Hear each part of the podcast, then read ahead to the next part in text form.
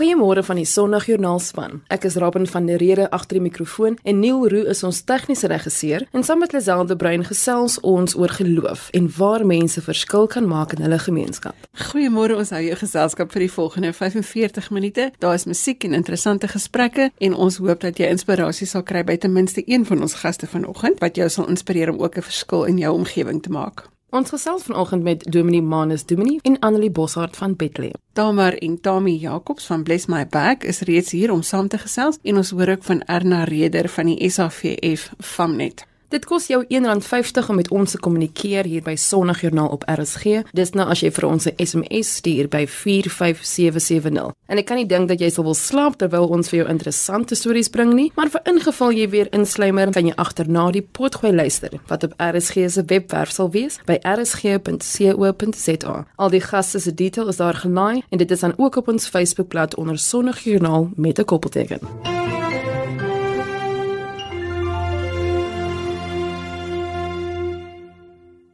Die G300 beweging is 'n byeenkoms van verskillende inisiatiewe in die Bethlehem omgewing om 'n verskil te maak in jong mense se lewe en ek gesels vanoggend met Annelie Bossert. Goeiemôre Annelie. Goeiemôre Lisa. Waar het die inisiatief ontstaan? Jong, dit is al ietsie wat al lankal op ons harte is. Ons het begin by ons jeug by die kerk. So ons het met 'n youth groep begin wat ons op Vrydae bymekaar kom. En toe dit ontwikkel in 'n kamp wat ons doen wat nou eintlik GC100 geword het. En toe daar nou maar net goedjies bygekom en bygekom en ons is tans besig om in die skole te werk en alles. Toe het ons net besef dat hierdie ding is groter as wat mense gedink het en ons het toe nou dit alles onder een sambreelke en nou maar sê gesit. Dis toe nou waar die G300 movement soos ons dit nou noem ontstaan het. Wat is die dinge wat vir die jeug van Bethlehem 'n uitdaging is? Ons kry met baie gevalle in die skole te doen waar groepsdruk speel 'n ongelooflike groot rol. Afknouery, boelie, huislike omstandighede wat nie goed is nie. Mense is so besig, weet hulle begin by mekaar verby te leef en daar kom 'n afstandjie maar sê tussen die kinders en die ouers. En dan is daar ook dwelm, dwelm gebruik, alkohol gebruik, weet al daai tipe van goeders. Dit alles het 'n invloed op die kinders se gedrag, dit het 'n invloed op hulle skoolwerk, dit het 'n invloed op hulle emosionele toestand. So ja, dis wat ons op hierdie stadium mee werk. Dis baie groot uitdagings. Waar begin 'n mens om hierdie uitdagings aan te pak? aan die omstandighede waarin die kinders hulle self bevind kan ons dikwels niks doen nie. Jy kan nie elke kind uit sy omstandighede kan red nie, maar wat jy wel kan doen is om vir hulle te leer hoe om goeie besluite te maak, hoe om situasies waarin hulle is, hoe om dit reg te hanteer en hoe om nie jou omstandighede te gebruik as 'n verskoning vir slegte gedrag nie, maar om uit jou omstandighede eerder goeie besluite te maak om jou toekoms beter te maak. So Annelie, watter rol speel geloof in julle uitreik na die gemeenskap? Dit is absoluut die middelpunt van ons uitreiking na die gemeenskap. Dit is so belangrik met al hierdie dinge wat gebeur, word die kinders se identiteit eintlik so aangeval. Ons doel is om dat hulle kan besef wie hulle is in Christus, wie God hulle gemaak het om te wees, dat daar regtig 'n doel met hulle elkeen op hierdie aarde is en net hoe lief hy vir hulle is die oomblik as hulle daai besef kry, daar's 'n hele perspektiefverandering, voel ek. Dan kan hulle begin dinge beter hanteer ook. Hoe maklik is dit om hierdie boodskap aan hulle oor te dra? Want mense weet jy moenie vir 'n tiener voorskriftelik wees nie, want dan wil hulle nie regtig die boodskap aanvaar nie. Moet jy 'n pad met hulle stap? Moet jy 'n soort van verhoudings bou? Hoe lank vat dit? Ja, verhouding is regtig baie baie belangrik en ook om nie uit 'n plek van half aanvallendheid te wees soos jy moet dit, jy moet dit, jy doen dit verkeerd nie, maar eerder uit 'n plek van liefde uit en dit te erken wie hulle is en ons praat van mense roep die goud in hulle uit laat hulle self kan besef wat is hulle eie waarde en dat dit beter is vir hulle verstaan. Ons loop 'n paadjie saam met hulle en bou verhouding en uit daai plek uit is dit baie makliker. Op die einde van die dag wil jy eintlik hê wie die penny moet self drop, hulle moet self sien en self besluit en ons guide hulle in daai plek jy werk saam met jou man in hierdie bediening. Watter verskil maak dit in julle lewe? Ja, dikwels as mens by so iets betrokke is, dan dink jy jy help ander mense en dit is deel van wat jy doen, maar op die ou groei jy self ook so baie en jy groei in liefde en jy groei in compassion en jy groei net self in 'n dieper verhouding met God as jy sien wat doen God in hierdie kinders se lewens en wat se deurbraak hulle het. En so vir my is dit net deur dit bring dit dit my ook net eintlik nog nader en nader aan die Here. As mens sien wat doen hy in hulle lewens en as jy sien, oh, daar gaan 'n liggie aan. as hulle deurbraak kry dan ja, dis 'n baie lekker gevoel. Annelie, as jy nou met hierdie kinders werk, reik jy soms uit na die ouers toe of hoe kry jy die probleme opgelos? Werk jy net met die kinders of werk jy ook met hulle ouers?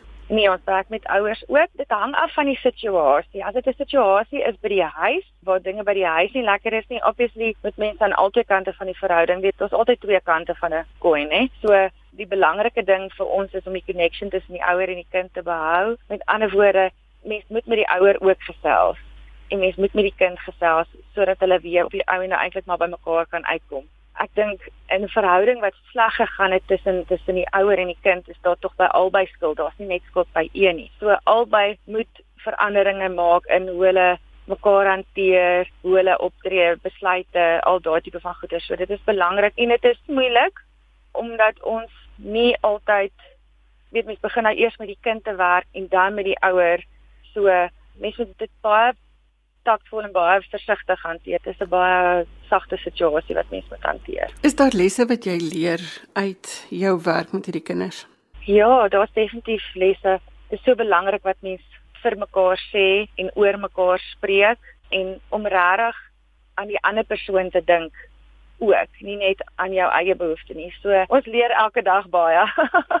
ons leer elke dag so baie. Annelie baie dankie dat jy vanoggend met ons gesels het en sterkte met julle werk daar op Bethlehem. Eerslik baie dankie. Lekker dag. Lisel was in gesprek met Annelie Boshart. Jy kan hulle webwerf gaan besoek by www.g300.co.za. Dis www.g 300.co.za. As jy sopas ingeskakel het, sê ons goeiemôre. Die program is Sondagjoernaal saam met Lazel en Robin. As jy DStv het, kan jy na ons luister op kanaal 813 en jy kan ons ook kry op die internet by rsg.co.za. As jy vir ons 'n SMS wil stuur, kan jy dit doen by 45770 teen R1.50 per SMS. Erna Reder is die koördineerder van die SAVF Famnet en ons gesels vanoggend oor swanger tieners, maar meer ook oor die pa in die ongehuide verhouding want ons hoor so baie stemme wat klem lê op die rol van die pa en 'n kind se lewe, maar hulle doen ook 'n hele paar ander goeders. Goeiemôre Erna.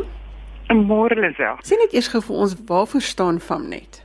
Goed, Famnet is die afdeling van die SAGE wat staan vir familienetwerk en ons versterk gesinne, veral ook deur die ouers te versterk en ouers meer toe te rus om goeie ouers vir hulle kinders te wees. Jou werk neem jou landwyd terwyl jy ouerskapopleiding doen. Hoe werk julle program? Waar begin 'n mens? Ons lei hoofsaaklik groepleiers op. Mense wat ergens in hulle gemeenskap betrokke is of mense wat maatskaplike werkers is. Heelwat maatskaplike werkers kom doen ons opleiding en gebruik dit dan met hulle kliënte. Maar ons vind baie keer dat die mense wat in gemeenskappe bly, het 'n baie sterk gevoel vir wat gebeur in 'n gemeenskap en hulle is ewig geskik om dan opgelei te word in ons ouerskapsprogramme. Hulle tree dan op as 'n groepleier en hulle kry groeplede in hulle omgewing wat hulle oplei. Ons het drie programme. Die eerste een is dan ons Rebuilding Dreams program program wat gaan oor swanger tieners en tienerouers oor hoe om hulle situasie van swangerskap terwyl hulle nog tieners is te leer hanteer en dan ook 'n bietjie ouerskapsvaardighede en wag daar's 'n hele klomp goed ingewerk in hierdie program. En dan verkies ons nogal as ons swanger tieners oplei dat ons hulle verder neem in ons Botswadi program wat basies gaan oor gebalanseerde sorg vir 'n kind. So leer die ouer hoe om sy kind goed groot te maak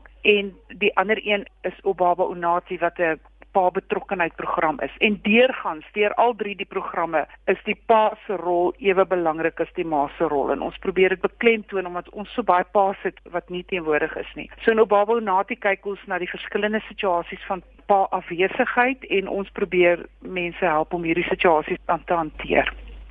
Arno, daar is nogal baie ouerskap inligting op die internet en in boeke beskikbaar. Hoekom is dit so belangrik dat ouers so as 'n groep bymekaar kom om ook so opleiding te kry?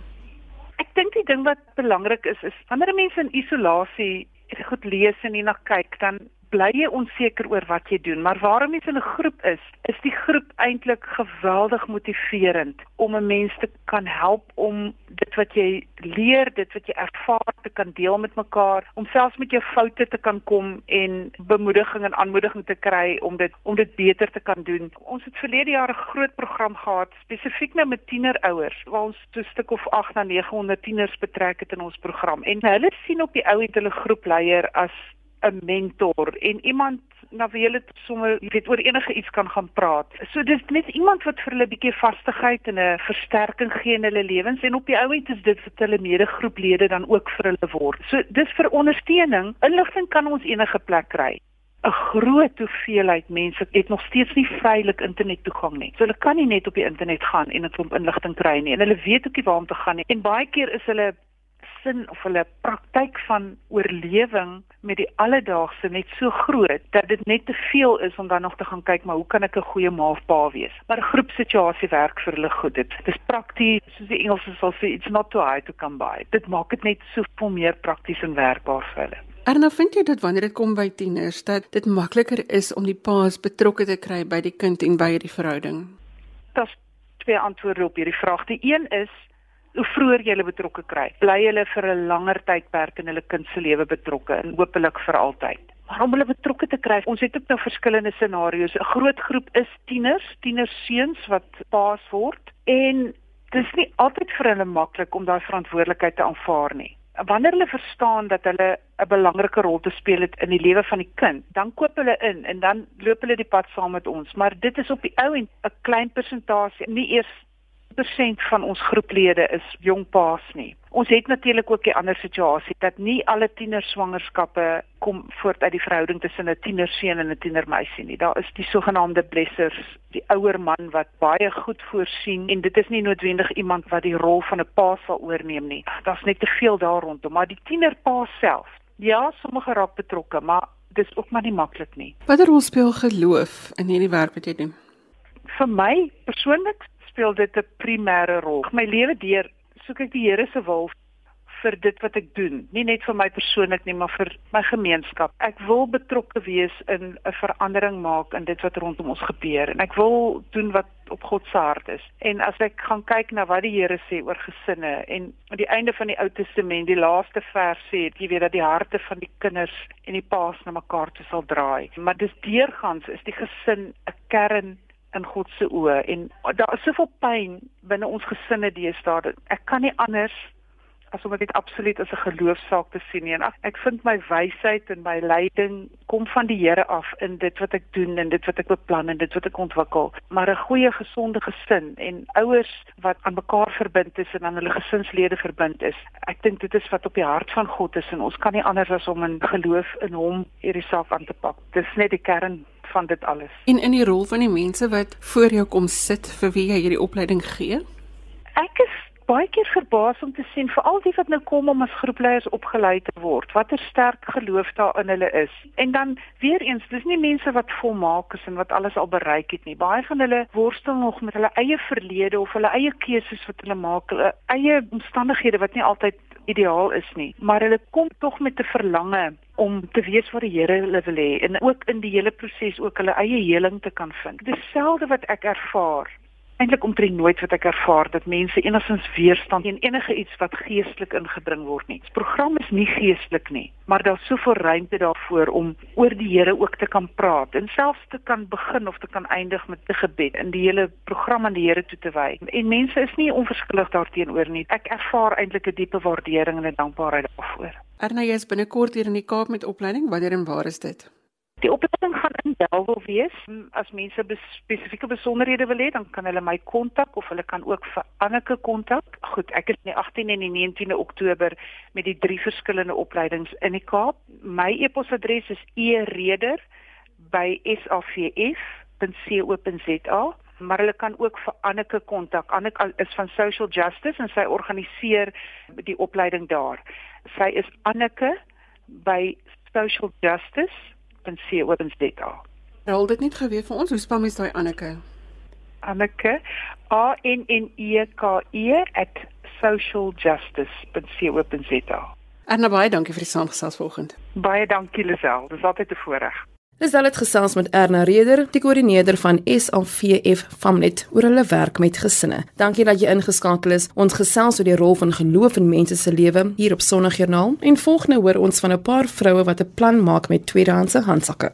Ek het onlangs begin om die huis se warbel in orde te kry vir die somer wat voorlê en in die proses het ek sommer 'n klomp ou juwele en serpe en handsakke wat ek nie meer gebruik nie by 'n tweedehandse tafel verkoop. Maar twee van hierdie handsakke het ek agter uitgehou vir die Bless My Bag projek en Tamar Jacobs en Termi Jacobs is hier by ons in die ateljee vanoggend om van die projek te vertel. Goeiemôre Tamar. Môre Lisel. En goeiemôre Termi. Goeiemôre. Tamar, waar het die idee van Bless My Bag sy ontstaan gekry? Weet jy, so 2 jaar en 5 maande gelede het ek 'n artikel gelees in 'n vroue tydskrif waarin 'n joernalis die lesers uitdaag om wanneer hulle weer by 'n hawelose vrou verbystap op die straat, een van jou ouer handsakke vir haar te gee wat daar agter in die kas lê wat jy van vergeet het en so te help om haar lewe dalk 'n bietjie makliker te maak. En ek het die artikel uit die tydskrif uitgeskeur en in my kas geberg in my kantoor na te gelê vir so 'n jaar. En toe 'n jaar en 5 maande gelede nou presies is die projek toe nou gebore, Bless My Bag. Maar ons het 'n bietjie van 'n kinkel in die kabel. Ons het die projek 'n bietjie verander waarvan ek jou nou later sal vertel, maar dit is in kort vir Bless My Bag wat ons en doel het om 'n verskil te beteken in weerlose vrouens se lewens en vir hulle iets van waardigheid terug te gee. As ek dalk net vir jou kan byvoeg dat ons het nou al reeds so baie vrouens bereik in die afgelope jaar en 5 maande. Ek dink aan plekke wat ons besoek het soos byvoorbeeld Beauty for Ashes, die Magdalena Counselling Center, Tabita Center in Namibië. Ons ondersteun 'n Genubi projek in die suide van Libanon, die Versante Kraal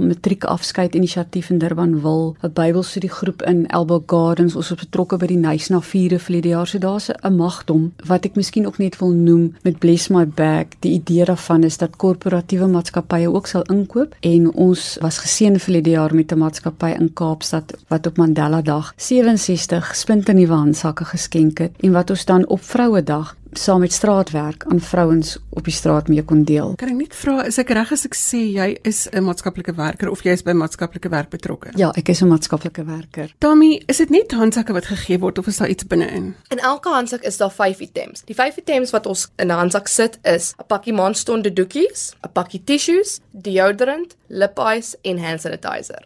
Dis iets wat elke vrou nodig het, nê? Nee? Presies. Ek my ma en Gerda, ons het voor die tyd gaan sit en ons het ons eie handsakke uitgehaal en net alles uitgegooi en ons sê wat is in ons handsakke wat elke vrou kort en dan het ons met die idee opgekom van hierdie 5 items. Ek was nogal verwonderd oor hoeveel ou handsakke in my hangkas was wat ek nie gebruik nie. Kry julle baie sulke donasies? Ons kry en dis deel van die uitdagings want baie vrouens, miskien vergeet hulle in die proses dat die hoofdoel van die projek is om 'n ander vrou se waardigheid te herstel. En dan gee hulle sommer 'n handsak wat vuil is of nie meer regtig so goed lyk nie. So dit is een van die uitdagings, maar ons is altyd dankbaar dankbaar oor elke handsak wat ons ontvang. Wat is die algemene uitdagings wat hierdie vroue in die gesig staar? Lisel is tweeërlei. In die ontvanger se kant sal ek sê dis 'n vrou en ons werk met vrouens wie uitdagings beleef met hulle waardigheid. Die lewe het hulle onregverdig behandel. Hulle het nie ondersteuningssisteem het dalk nie genoeg nie. Hulle het verkeerde keuses in die lewe gemaak. So ons werk met sensitiewe vrouens. En dan die ander uitdaging sou wees in terme van skenkers, soos ek nou net vir jou vertel het, party skenkers skenk enige tipe handsak. Ons het al handsak ontvang wat hulle hulle eie persoonlike items binne in die handsak vergeet het. En of so ek sê handsakke wat vuil is of wat nie meer goed lyk nie en dit kan nie regtig iemand anders se waardigheid herstel nie. Nog een van die uitdagings op hierdie stadium is dat ons koördineerders benodig in elke provinsie in hierdie pragtige land van ons. Ons het nou al reeds koördineerders in die Wes-Kaap en in Gauteng, maar ons is nog dringend op soek na koördineerders in die ander provinsies en ek hoop dat van die luisteraars wat vanoggend luister, dit in hulle harte sal roer om betrokke te raak by hierdie projek. Daarmee kan ek net eers vir jou vra, wat is die reaksie wanneer 'n vrou so 'n handsak ontvang? Ag, dit is eerlikwaar die mees fantastiese ding om te kan beleef. Mees van die tyd daar's trane, maar die trane kom maar net van 'n plek van vreugde, blydskap en verbasing. Twee stories wat vir my uitgestaan het, was wanneer ons in Elbow Gardens was en een van die vrouens na ons toe gekom en sy het net vir ons gesê, "Hoe het julle geweet?" En ons vra vir maar wat bedoel jy nou? Sy sê nee, ek het nie geld gehad om vir myself tampons te kan koop nie. So hoe het julle geweet ek het te gekort? Ons het gedog om die handsak te gee is die ding wat vir hulle waarde gee. Maar die items binne is ook maak net so 'n groot verskil. Die ander storie wat ook vir my net wonderlik was, was wanneer ons by Vrouedag met straatwerk gewerk het en 'n vrou het ook na ons toe gekom en sy het gesê die aand voor die tyd het haar handsak gebreek en sy het op haar knie gegaan en vir die Here gevra vir 'n nuwe handsak en sy het nooit besef dat die volgende dag sal sy 'n stunning nuwe handsak kry nie. Dit is stories wat 'n mens se haar op jou arms laat regop staan. Tamer, wat is die verskil tussen julle en ander soortgelyke projekte? Die verskil met Best My Back en ander projekte is die volgende: ons skakel in by bestaande projekte wat met weerlose vrouens werk, ook met elke uitreik geleentheid sodat hulle agterna weer kan opgevang word. Ons oorhandig nie net 'n handsak en verdwyn van die toneel nie. Daar is baie soortgelyke aksies wat dieselfde doen as ons, maar hulle deel handsakke uit en ons bly betrokke deur 'n bestaande netwerk. Wat wil julle met hierdie projek bereik, Tamer?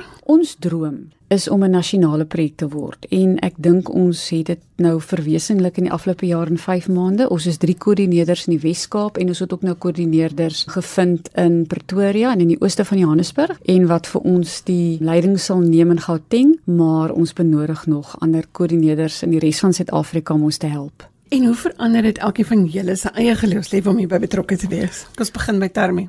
Ek persoonlik ervaar net die Here se liefde wanneer ons besig is met hierdie werk. Ons kan net sien waar die Here net regtig so erg vir mense omgee en hy kan ons gebruik om net sy liefde vir mense te kan wys. Lisel, ek is baie bewus daarvan dat hierdie 'n uh, spesiale projek is. Wat ek al bedoel is die Here maak dikwels melding in sy woord van vrouens en ek het gister daaroor gedink, weet jy, dat in sy geslagsregister daar is 5 vrouens aangeteken wat vir daardie tyd ongewoon was. En dis kom ons dink dis is baie spesiale projek want ons werk met vrouens vir wie die Here ook baie lief is. Dit is baie belangrik dat mense hierdie vrouens optel want jy besef nie hoe min selfwaarde daar is as jy nie eers hierdie basiese goeder vir jouself kan koop nie. Ek wil graag vra, waar kan mense meer inligting kry oor julle projek Tarmi? Jy kan ons webtuiste besoek by www.blessmybag.org.za. Jy kan ons Facebook bladsy besoek. Ons Facebook bladsy se naam is Bless My Bag. Jy kan ons deur e-pos kontak. Ons e-posadres is tama@blessmybag.org.za. En as jy handsakke het wat jy wil aan ons skenk. Ons afleweringspunte is by die NG Kerk in Bloubergstrand. Dis daarso agter die bekende ons huisie restaurant in Batavia Road. Anderste kan jy ook 'n handsak aflewer by die NG Kerk in Tableview, daarso in Greylawn. Tamar, miskien moet jy net gou weer daai epos vir ons spel. Jy het 'n baie interessante naamkombinasie. Spel gou vir ons Tamar dat ons weet wat daai eposadres is. Ek is bly vir dit. Dis Tamar T H A M A R @blessmybag. Dis een woord .org.za. Baie dankie vir julle saamgesels vanoggend en dat julle met ons gedeel het die liefde wat julle ook uitdeel aan ander vrouens. Dankie Lisel. Baie dankie. En so gesels Tamar en Tame Jacobs van Bless My Bag. Dis eintlik so maklik om 'n verskil te maak en dit hoef jou glad nie geld te kos nie. Jy moet net rondom jou kyk om geleenthede raak te sien. So gaan kyk of jy 'n ou handsak in jou kas het waarmee jy ook iets goed kan doen. Die webwerf se adres is www.blessmybag.co.za of jy kan vir Tamar e-pos by tamar@blessmybag.org.za. Dis T H A M A R by blessmybag.org.za.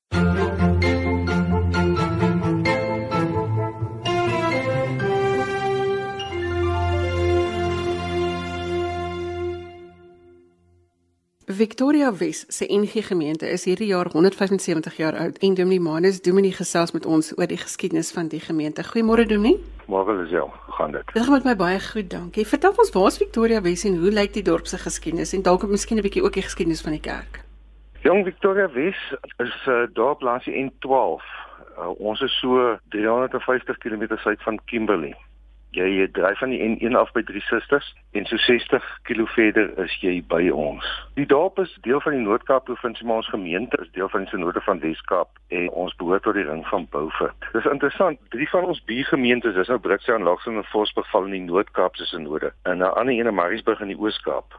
So ons sit so half in 'n enklawe wil ek amper sê tussen die Noord en die Oos-Kaapse Sinodes. Dis 'n bitter groot gemeente, uitgestrekte gemeente. Dit begin by Drie Susters, daar by Travalia is my verste besoekpunt daai kant. Dan loop dit al langs die N1 op tot by Skietkou Gasteplaas op pad na Richmond. En dan so 50 km in Laksens rigting en 60 km in die rigting van Vosburg en Britsdale en dan ook 60 km Kanaan se kant toe en 50 km Mariesburg se kant. So dis 'n groot gemeente. Die gemeente het so 363 geleidende lidmate en net so meer as 100 dooplidmate. En uh, ons boeregemeenskap wat maar 'n baie belangrike deel van die gemeente uitmaak, bestaan hoofsaaklik uit merino boere.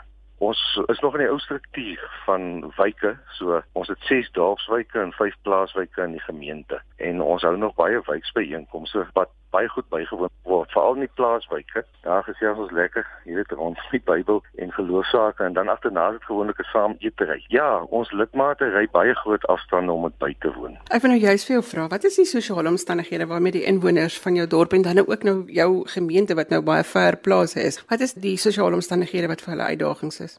Ons het baie werkloosheid. Hier is baie mense wat hier bly, groot plakkeskamp.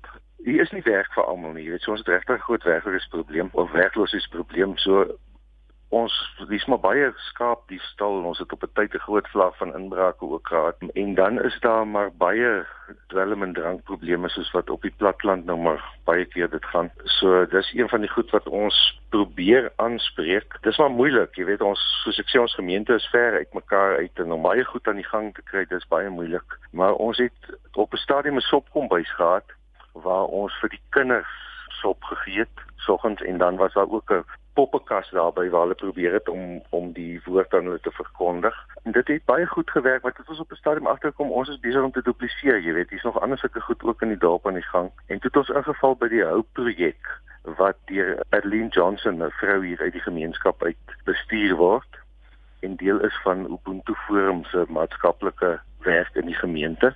Die ou projek probeer om straatkinders van die strate af te kry en hulle ook weer in te kry by die skole en dan vir hulle basiese lewensvaardighede te leer. So ons is nou deel daarvan. Daar's van ons gemeentelede wat kos maak daarvoor. Ons gee vir hulle geld elke maand ook om aankope te doen en hulle doen eintlik wonderlike werk in die gemeente. Dis ons hoof fokus op hierdie stadium en dan interessant, een van ons jong lidmate, Johan Viljoen, hy boer hier in die gemeente en hy was van tevore by Straatlig op Stellenbosch betrokke.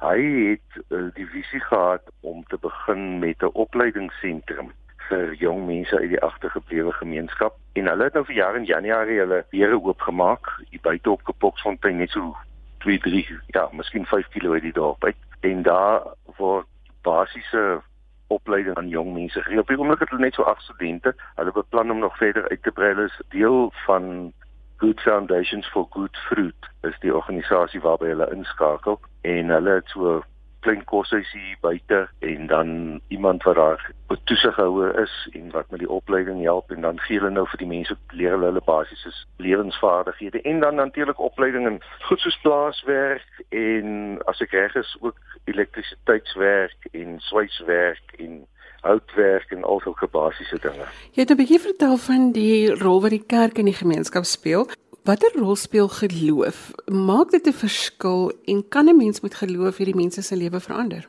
Ja, geloof verander ons enigiets. En ons het baie gelowige mense in ons gemeente of en in ons gemeenskap ons hoop almal in die gemeente is natuurlik gelowiges, maar is baie gelowiges in die gemeenskap. Heelwat kerke, ons het verlede jaar so 'n gebedsweek gehad waar ons 'n hele klomp kerke betrek het en waar ons elke aand in 'n ander gemeente byeengekom het om vir die gemeenskap en vir ons land te bid. So ek dink dit het nogal 'n verskil gemaak. Dit het ons in elk geval nader aan mekaar gebring en ons soos ek sê ons probeer nou maar met hierdie verskillende projekte wat ek nou reeds genoem het, probeer ons ook om 'n verskil in die gemeenskap te maak. Ons het nou nog niks gehoor van die geskiedenis van die gemeente nie. Vertel ons daarvan. Victoria Wes is die 31ste oudste gemeente in Suid-Afrika. En aanvanklik is dit Victoria genoem ter ere van koningin Victoria, alhoewel sy nog baie jonk was met die stigting van die gemeente. Dit was so tot en met 1843 deel van die gemeente van Beaufort Wes en dit was deel van die twee wyke Nuweveld en Uitvlug of Nieuwveld en Uitvlug daai tyd van Beaufort Wes se moedergemeente. En Dominic Colin Fraser van Beaufort Wes het dan altyd hier op die plaas Kapoksfontein kom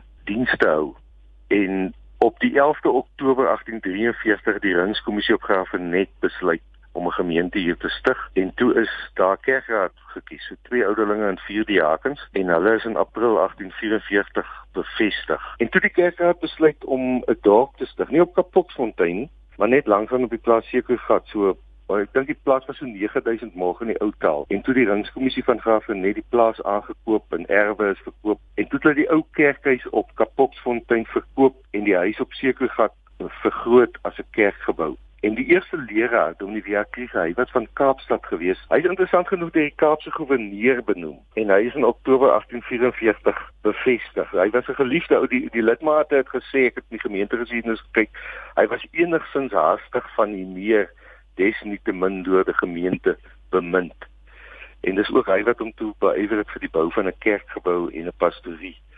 En toe het hulle in 1850 het hulle die kerkgebou klaar opgerig en ingebou, ingewy.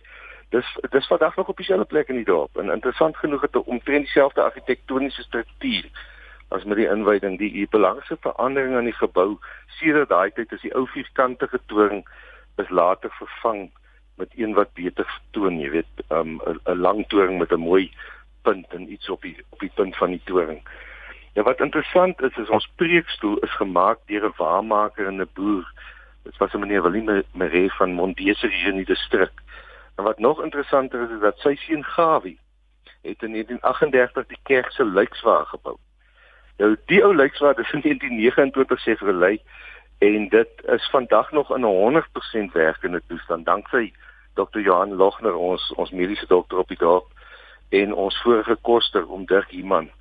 Uh hulle die lyks vir altyd aan die gang gehou en in 2015 toe om Dirk oorlede is, is dit vir die eerste keer in baie jare weer gebruik toe ons hom na sy laaste rusplek ingeneem het. Uh geneem het. En en dan die storie rondom die kerk al is net so interessant. Die oorspronklike ene is in 1863 aangekoop en maar 40 jaar later toe die, die orgelis wat 'n sekere meneer de Tooi was, besluit om teen die wense van die kerkraad die orgel op te knap en toe sny hy 100 pype af. En toe dit so onbruikbaar geword dat dit nie weer uh, kon gebruik nie en toe moes dit vervang word. En toe die volgende orgel ingebou is, is daar terselfdertyd ook twee gallerye in die ou kerk ingebou, een vir die mans en die vrouens.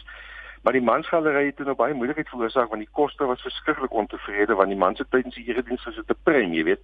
En dan natuurlik wat mos nou daarop volg. So ehm um, hy was baie ontevrede oor hoe hulle op die galery gemors het. Ai, die stories van die kerk. Die orgel wat wat op die ondergrond gebruik word is in 1936 aangekoop. En dit word volgens my inligting gereken as een van die 10 beste kerkorgels in die land. Die kerkgebou is natuurlik ook 'n uh, uh, nasionale gedenkwaardigheid. En dan het die gemeente in sy bestaan baie krisisse gehad. Die dorp, um, soos ek sê, is in 1844 gestig, maar in 1871 is dit getref deur 'n vloed en daar 60 mense oorlede.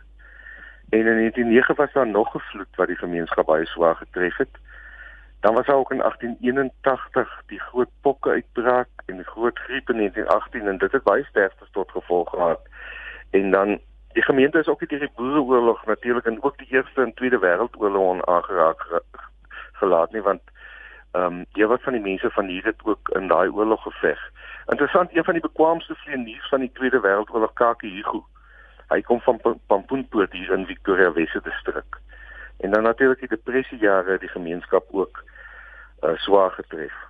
En dan was daar 'n paar vreeslike interessante en kleurryke karakters onder die predikante gewees, Dominee Mader wat hulle sê wat 'n baie slim en weltertale en avontuurlustige leraar was. Hy het byvoorbeeld tydens een van die langdurige droogtes wat ons moes nou maar in die Karoo kry, het hy besluit hy gaan 'n saak in eie hande vat en reën maak. En toe het hy Victoria Wesberg geklim en van daar vier pile na die wolke toe geskiet. Maar hy sê sy plan het nie so goed gewerk het, was net vuur en rook en nie verder veel nie. En dan was daar Dominee Leibrand uh, wat van 1860 tot 1877 in die gemeente was. Hy was familie van president MT Steyn gewees van die Vrystaat. En hy was een van 'n paar NG dominees wat in Nederland studeer het en as sogenaamde liberaliste teruggekom het. Dit hulle onder meer die leer van die drie eenheid verwerp en die godheid van Jesus in die wonderwerke in die Bybel ontken. En toe van wie die liberalistiese idees van hom as sy bediening hier op Victoria Wes nogal uh gekenmerk deur 'n baie vel stryd in die gemeente tussen mense wat nou hom gevolg het en dan die ander aan die ander kant en dit het op die ou end tot gevolg gehad dat die kerkraad om in 1877 um 2500 pond in die ou taal aangebied het om te bedank. En toe het hy die uh, staatsargivaris in die Kaap geword. Hy word vandag erken as die vader van die staatsargief in Kaapstad. So hier was 'n paar interessante ouens in die gemeente gewees so met die jare. Dit klink vir my asof jy 'n baie interessante geskiedenis het. Julle vier hierdie jaar julle 175ste bestaanjaar. Wat is al die goed wat julle gereël het om dit te vier? Ons het vanoggend by die erediens het ons die onthulling van 'n gedenksteen wat ons deur een van ons oudste lidmate om Kovion gaan laat onthul. Maar daar is 'n stene reeds met die 125 jaar en 150 jaar viering onthul en ons nou weer een laat maak en dan na die tyd het ons so Die Apollo teater hier op die dorp is interessant. Dit is die oudste werkende Art Deco teater in Suid-Afrika en ons gaan na die tyd daar 'n vertoning hê van 'n toneelstuk wat jare gelede hier in die dorp opgevoer is. Dis seker maar so 'n bietjie nostalgie, jy weet, ek kan die mense kyk hoe hulle in die jong dae gelyk het. En daarna het ons 'n tee en dan Sondag die 21ste Oktober is daar 'n oraluitvoering na die erediens hier in die kerk. Dan gaan 'n Nul John Kriel wat 'n uh, bekende oralis is hy bly op Port Elfrid gaan vir ons 'n oraluitvoering gee. En dan Sondag die 28ste Oktober tree Wefel Ministries op hier in die erediens dis eintlik 'n ding wat reeds lank gelede deur die getuienisdiensgroep gereël is. En dan op Sondag die 4de November gaan ons ons feesvieringe afsluit. Dan het ons nagmaal en ons het ook belydenis van geloof. En dan het ons 'n boomplant seremonie uh, op die kerkterrein waar die katkesante belydenisklaskinders die boomplanting gaan waarneem en daarna het ons wat ons noem 'n feestee, jy weet 'n lekker groot samekoms in die kerksaal. Nou ja, ek is seker as jy iewers in Victoria Wes by die NG gemeente betrokke was, dan wil jy dalk deel wees van hierdie feesvieringe en kan jy by enige van hierdie geleenthede miskien by hulle gaan aansluit. Dominee Manus, baie dankie dat jy vanoggend 'n bietjie van julle geskiedenis en van julle lewenswêreld met ons gedeel het. Victoria Wes is 'n wonderlike gemeenskap. Ek moet dit sê. 'n Dinamiese gemeenskap. Mens verwag nie hier in middel van die Karoo so ietsie maar ons het 'n klomp geweldige dinamiese jong mense. Ek kan vir jou nog honderde goed opnoem wat hulle mee besig is, nie noodwendig deel van die kerk nie, maar waar hulle die gemeenskap dien en 'n verskil probeer maak vanuit hulle geloof ook. Baie dankie vir die saamgesels vanoggend. Dis wel baie dankie. Mag die Here julle seën. En met die feesvieringe op Victoria Wes is ons aan die einde van vanoggend se program. Tot volgende week sê ek eers totsiens. Jy kan vir my e-pos met kommentaar of as jy 'n geloofstorie met ons wil deel. Hoopelik het jy 'n skryfding byderhand. My e-posadres is lazel@wwmedia.co.za. Ek sê net weer dat al die inligting oor die onderwerpe en die sprekers en hulle kontakdetail op RSG se webwerf is. En net vir ek vir die tweede keer totsiens sê, ook op RSG se toepassing, as jy nou nie 'n skryfding by derhand het nie, dit is so maklik. As jy die toepassing oopmaak en die programskedule oopmaak, dan is alles voor jou op een skerm. Jy hoef niemand te bel of te e-pos nie, dit is alles daar. Ek gee tog maar weer my e-posadres net vir ingeval hulle wel wil e-pos Robin. Dit is lazel@wwmedia.co.za. Jy kan ook vir ons 'n boodskap los op Facebook by Sondagjoernaal se blad. Onthou ons gee so teen donderdagoggend die detail van elke Sondag se program. So gaan like die bladsy, word deel van die gemeenskap daar en dan is jy ook sommer op hoogte van alles wat in ons program gebeur. Tot volgende week groet ek. Droom groot, haal asem, word stil en gaan maak 'n verskil in iemand se lewe. Wat is die vier goed wat jy moet gaan doen, Robin? Droom groot, haal asem, word stil en maak 'n verskil in iemand se lewe. Tot volgende Sondag. Totsiens.